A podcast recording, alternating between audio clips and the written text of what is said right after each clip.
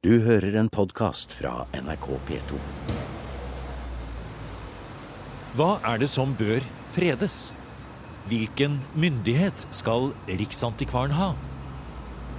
Nei, museum skal ikke handle om Barcode og Sørenga eller andre store reguleringsplaner i vår tid. Det skal handle om en stor personlighet som satte alle disse spørsmålene på dagsordenen en gang for så lenge siden at nesten ingen husker hvem han var, selv om det bare er snaue 100 år siden. Den som skal fortelle om mannen som ble Norges nesten første riksantikvar, er kunsthistoriker Kristin Aavitsland. Hun mente det kunne være fint om vi møttes i den ene enden av Karl Johan. For da, som nå, spilte hovedstadens byutvikling en stor rolle for diskusjonen om kulturminnevernet. Ja, Kristin, her står vi midt i uh, Oslos eh, pulserende liv, er det vel det heter. Vi står her og ser ned på trafikkmaskinen Oslo S, og det er disse store trikkeskinnene som går forbi her. Folk går på alle kanter rundt oss. Biler, trikker, busser og et vrimmel. Men så snur vi litt på hodet. Og da kommer det frem en eh, søylerekke bortover i murstein, og plutselig så er vi tilbake på 1800-tallet en gang. Ja, det er basarhallene til eh, Christian Grosch, som eh, ble bygget midt på 1800-tallet. Omkring domkirken. Som en krans rundt domkirken med små lokaler for butikker og overbygde arkader. Mm. Etter modell fra forbilder rundt omkring i europeiske byer. Eh, og dette erstattet da en litt sånn eh, sammenrasket bebyggelse av eh, salgsboder, slakterboder. Ja, det foregikk kjøp og salg av matvarer i området her, på baksiden av domkirken. Og det skulle det fortsette med å gjøre, men da i litt mer Eh, mer regulert og vakrere bebyggelse. Når vi nå går eh, langs eh, basarhallen her på Kirkeristen i Oslo, så syns vi at dette er veldig flott at vi har i Norges hovedstad. Et sånt minne om gammeldags torghandel og europeisk holdt jeg på å si, forhold med slaktere som står her bortover osv. Og, så og vi syns det er fint at det har blitt tatt vare på. Det er jo ingen som drømmer om å rive det i dag. Det hadde ikke vært mulig, for det er jo så fredet som det kan få blitt. Det skal vi komme litt tilbake til. Men eh, det var en periode det var snakk om at kanskje dette var blitt eh, gammelt og stygt. Eh, absolutt. Eh, det har vel vært eh, oppe til diskusjon flere ganger. Men eh, spesielt i 1930-årene så var Eller ja, faktisk allerede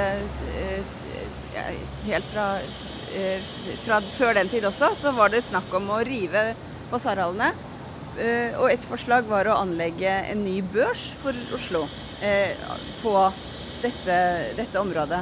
Ville, hvis det var blitt gjennomført, så ville man jo hatt en helt uh, unik sammenkobling av børs og katedral på, i Oslo, som ikke finnes maken til andre steder. Men, uh, men det ble stoppet. Uh, man ønsket faktisk da å rive Grosch basalverhaller og også Grosch børsbygning litt lenger nede mot havna.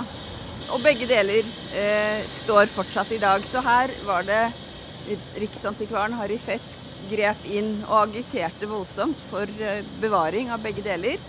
Men hans kanskje mest interessante argumentasjon gikk på at, at basarhallene og livet som myldret i dem og fant sted her, Eh, representerte en form for bykultur som det var verdt å ta vare på i seg selv. Nå nevnte du stikkordet for oss, Harry Fett. Og vi går nå inn og opp trappene her i basarhallen. Og her kjenner vi med en gang det blir en helt annen både nær sagt, lukt, stemning og lyd og atmosfære.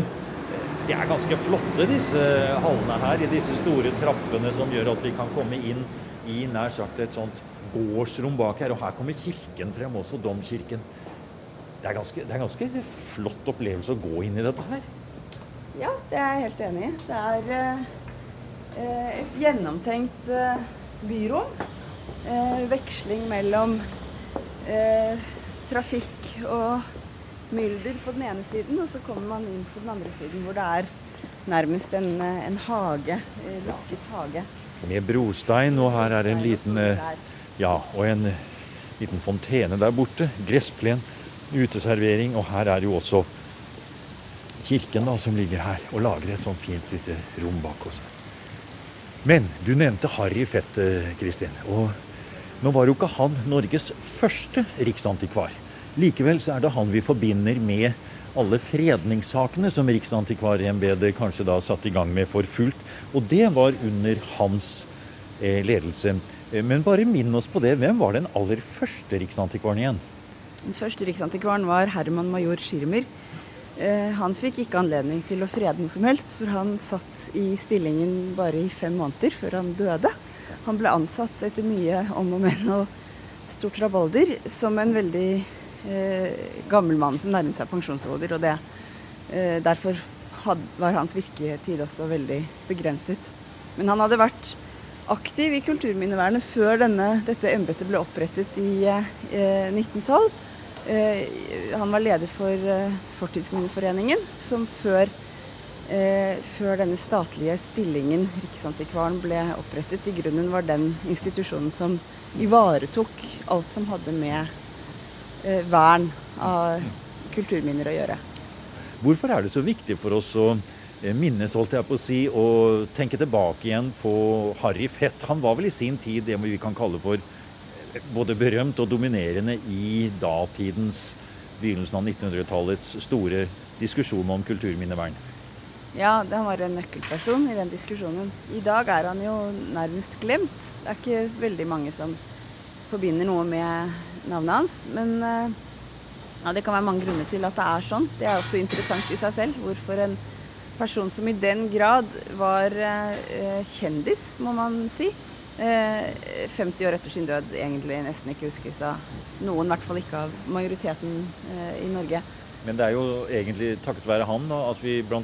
kan gå rundt her inne i kirkeristen i Oslo og beundre basarhallene slik som vi har gjort.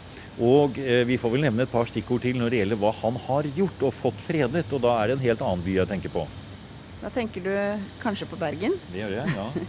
Eh, ja, Bryggen i Bergen, som i dag står på Unescos verdensarvsliste, eh, den eh, var selvfølgelig også eh, truet av rivning i flere omganger i eh, løpet av 1900-tallet. Og eh, nå er det ikke bare Harry Fett som har æren for at den ble stående, men hans agitasjon og argumentasjon og lobbying og eh, skriverier i aviser og foredrag han holdt og taler og i det hele tatt. Eh, og selvfølgelig saksbehandling eh, har bidratt til at Bryggen i Bergen står fortsatt. Det er Kristin Aavitsland som forteller om den legendariske Harry Fett i museum i dag. Harry Fett ble riksantikvar for 100 år siden, og fortsatte å være det i 33 år, fra 1913 til 1946. Litt senere i programmet skal vi også besøke villaen Kristine Dahl, klemt inne mellom høyblokker og trafikk på Bryn i Oslo. Der finner vi historien om Harry Fett som fabrikkeier og kunstsamler. Men tilbake til basarene i Oslo Bryggen i Bergen og Bergstaden Røros. Man skulle kanskje tro at dette var opplagte fredningssaker med stor enighet.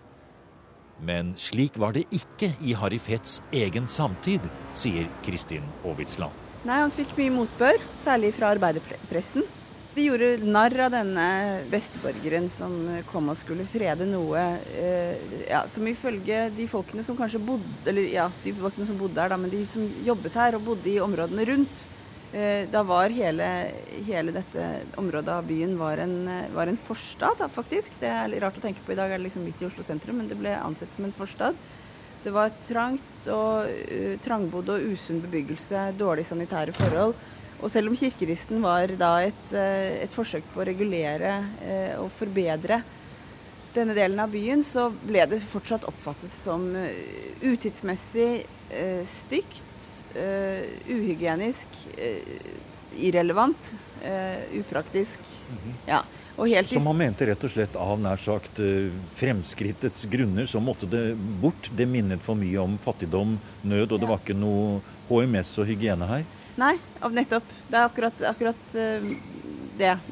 Disse perspektivene som de mente at manglet, og som også på en måte ideologisk var uforenlig med, med eh, arkitektur som eh, som hadde et sånt eh, historisk uttrykk. da, ikke sant? Det minnet om en fortid man ønsket å legge bak seg. Eh, og dette det, ja, det, Disse frontene møter man igjen og igjen i mange fredningssaker, f.eks. på Røros, eh, hvor, hvor Harry Fett veldig eh, framsynt og egentlig eh, radikalt ville frede en, eh, mange hus på en gang, en hel, hel bebyggelse. Hele denne her, Eh, rekken av hus som, se, som, er udødeliggjort i Harald Solbergs malerier, og som man nå på en måte er blitt sånn ikonisk, eh, ikonisk emblem for, eh, for bergstaden Røros. dette mente da det Arbeiderpartidominerte kommunestyret på Røros at var helt en vill idé å skulle bevare gamle, falleferdige rønner. Men hvordan svarte Fett på dette, f.eks. da her på Kirkerisen? Hva var motargumentene? Eh, Harry Fett skrev en bok om Karl Johan. Mm -hmm. Dette ligger jo helt i enden av Karl Johan, ikke sant? Mm. Eh, og, og, hvor han fremholdt verdien av dette, dette handelslivet nederst på Karl Johan. Eh, folkelige, autentiske eh, livet som foregikk her, som en, eh, en viktig komponent i samfunnet, i byens liv, men også på en måte i, det, i samfunnet på en måte med stor S. Og så lager han et slags sånn panorama over hele denne gaten, eh, Karl Johans gate, som jo ender i, i Slottsbakken, ikke sant? Med, eh, hvor manifestasjonen av eh, det selvstendige Norge. Eh, og du, man passerer da universitetet, Nationaltheatret, Stortinget selvfølgelig. ikke sant? Det er på en måte hele, Alle samfunnets institu viktige institusjoner er samlet i én gate, og da, men, da er liksom det folkelige handelslivet, småkårsfolks små eh, hverdagsliv, eh, i rammene av disse vakre basarhallene, det er et, en integrert del av hele dette samfunnet i miniatyr da, som han prøver å få Karl Johans gate til å fremstå som. Og som det kanskje på sett og vis er, eller har vært, i hvert fall. Nå går vi litt ut i sola her. Eh, vi går her eh, og kikker nå på en annen ting som vi straks skal gå inn og se nærmere på, for også det har vi har i Fett å gjøre, nemlig Oslo domkirke. Eh, men mens vi går over gressplenen her Det jeg lurer på, det er jo at Harry Flett han var jo av en, skal vi si, kom jo fra en fabrikkeierfamilie. Var han interessert i å ta vare på det vi i dag kaller for teknisk-industrielle kulturminner? Altså med hans fabrikkbakgrunn, kunne det tenkes at han kunne ha sett eller forstått eller var tidlig ute med å se at visse typer industribygg også kunne være viktig å frede? Kanskje for da å komme den nye arbeiderklassen litt i møte, f.eks. Var dette ting han tenkte på? Eh, jeg tror at det er riktig å si at det var det. Eh, han eh, Kanskje ikke i, Når vi tenker på fredning av industrikultur, Uh, og industrianlegg og sånn, så, så, tenker nok vi på en mer Vi tenker nok mer helhetlig. for ham spilte nok estetikk en større rolle enn enn det gjør for kulturminnevernet i dag. Men ikke desto mindre så var han altså Man må på en måte huske på hvilken tid han levde i. han var fremsynt og radikal, vil jeg si, i sin insistering på å bevare Eh, en del av det han tok til orde for å bevare. Så han flyttet nok eh, grensene for hva som på en måte tilhørte den kanoniserte kulturarven. Men altså selv han, selv Harry Fett, med den bakgrunnen han mm. hadde, og med de radikale synspunktene som du nå fremhever, selv han har da ikke signert noen eh, fredningssaker, eller gått inn for noen fredning av f.eks. de aller første industribygningene. La meg si f.eks. i Nydalen eller i eh, Egersund for den saks skyld, eller de første stedene hvor dampmaskinene sto i, etter sagbruksprivilegienes fall f.eks., bare for å nevne noe. Ingenting av dette tok han opp. Nei. Eh, nei, det er sant. Jeg, jeg, jeg vil tro at det kanskje eh, eh, at det var for mange andre ting og eldre ting å ta hånd om, rett og slett. Det er mulig at det var for nært i tid. Jeg tror kanskje at det også, må, også har å gjøre med at han var som en eh, verdikonservativ eh, men liberal, men likevel konservativ person, eh, så var han, som veldig mange av sin eh, stand, eh, ytterst skeptisk til industrialiseringen. Mm. han, han, var jo da, som du sier, industrimann selv. men jeg tror det, altså det han, det han Så han var, ikke, han var ikke sånn romantiker og mente at man bare skulle ta vare på på bønders kultur og så. Altså, absolutt ikke. Han, eh, han har jo eh, tatt skarpt, eh, veldig sterkt til orde for verdien av f.eks. kulturen omkring jernverkene i Norge på 1700- og 1800-tallet. Og eh, ja, de forskjellige, forskjellige sånn brukene. Sagbruk, glassverk. Altså hele den der eh, tidligmoderne industrien. Eh, igjen under dansketiden. Men det han så på som en fare for for samfunnet som en eh, menneskevennlig organisme. Det var eh, liksom den store industrien og de store industrielle trøstene og eh, altså he hele utviklingen av den moderne storkapitalismen som han, eh, som mange i sin samtid var skeptisk til. Så hovedhuset da, det er jo da vi kan si at det er vel en slags sånn romantiserende byggestil med europeisk byggeskikk.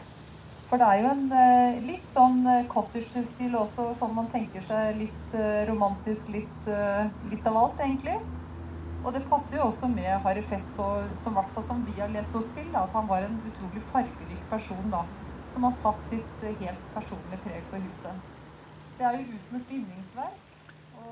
Den eventyraktige villaen til Harry Fett, som en gang lå midt i et fabrikkanlegg ved Østensjøbekken på Bryn i Oslo, komplett med arbeiderboliger, en anlagt dam, frukttrær og en liten park for arbeiderne, passer godt med bildet av Harry Fett som en person som ligner mer på 1800-tallets velmenende fabrikkherre enn storkapitalisme og klassekamp slik den faktisk var i Harry Fetts samtid. Eh, og det som er fint her, er at vi får se huset nedenfra igjen. Eh, vi får se mm, sammenhengen mellom dammen og hovedhuset. Den gule stue. Og vi kan jo da forestille oss at her lå det jo en fabrikk med fabrikkpipe og små smalsporet jernbanespor og et helt anlegg, som da igjen var en del av den store helheten. Du ser den fine trappen. Eh, det er den opprinnelige trappen. Den har fått nytt rekkverk, men smijernet er det gamle. Eh, og så kan vi jo nevne eh, det lille oppbygget på taket av hovedhuset. Det er Krogsalen. Det overlyset kom til i en av de mange ombygningene som Harry Fett hadde, men vi er ikke akkurat sikre på når. Men han drev jo stadig og, stadig og gjorde nye ting med huset sitt. Og i Krogsalen så hadde han altså en kjempestor samling av Christian Krogh-malerier. Eh, noe som var unikt eh, til å være en samling i privat eie. Og Det var også der de pleide å trekke seg tilbake etter at man hadde spist. Eh, og sitte og, sitte og slappe av og konversere og i det hele tatt. Og det var jo bilder fra gulv til tak, men da også moderne funkismøbler sammen med disse bildene. Og han hadde Huset var fullt av antikviteter og malerier og kunst som han hadde samlet, men da igjen moderne møbler. Så det er jo spennende. Vi er midt i en stor gruppe av interesserte tilhørere som går rundt på eiendommen Kristine Dahl, ledet av Tove Solbakken og Britt Kyrkjebø fra Byantikvaren i Oslo. Etter initiativ fra Byantikvaren foreslås nå anlegget fredet. I dag er det barnehage i Eventyrvillaen, og slik skal det fortsette. Vern gjennom bruk, heter det. I Harry Fetts glansdager var Kristine Dahl et sted hvor hans berømte kunstnervenner arkitekter og tidens ledende menn var samlet til middager og diskusjoner.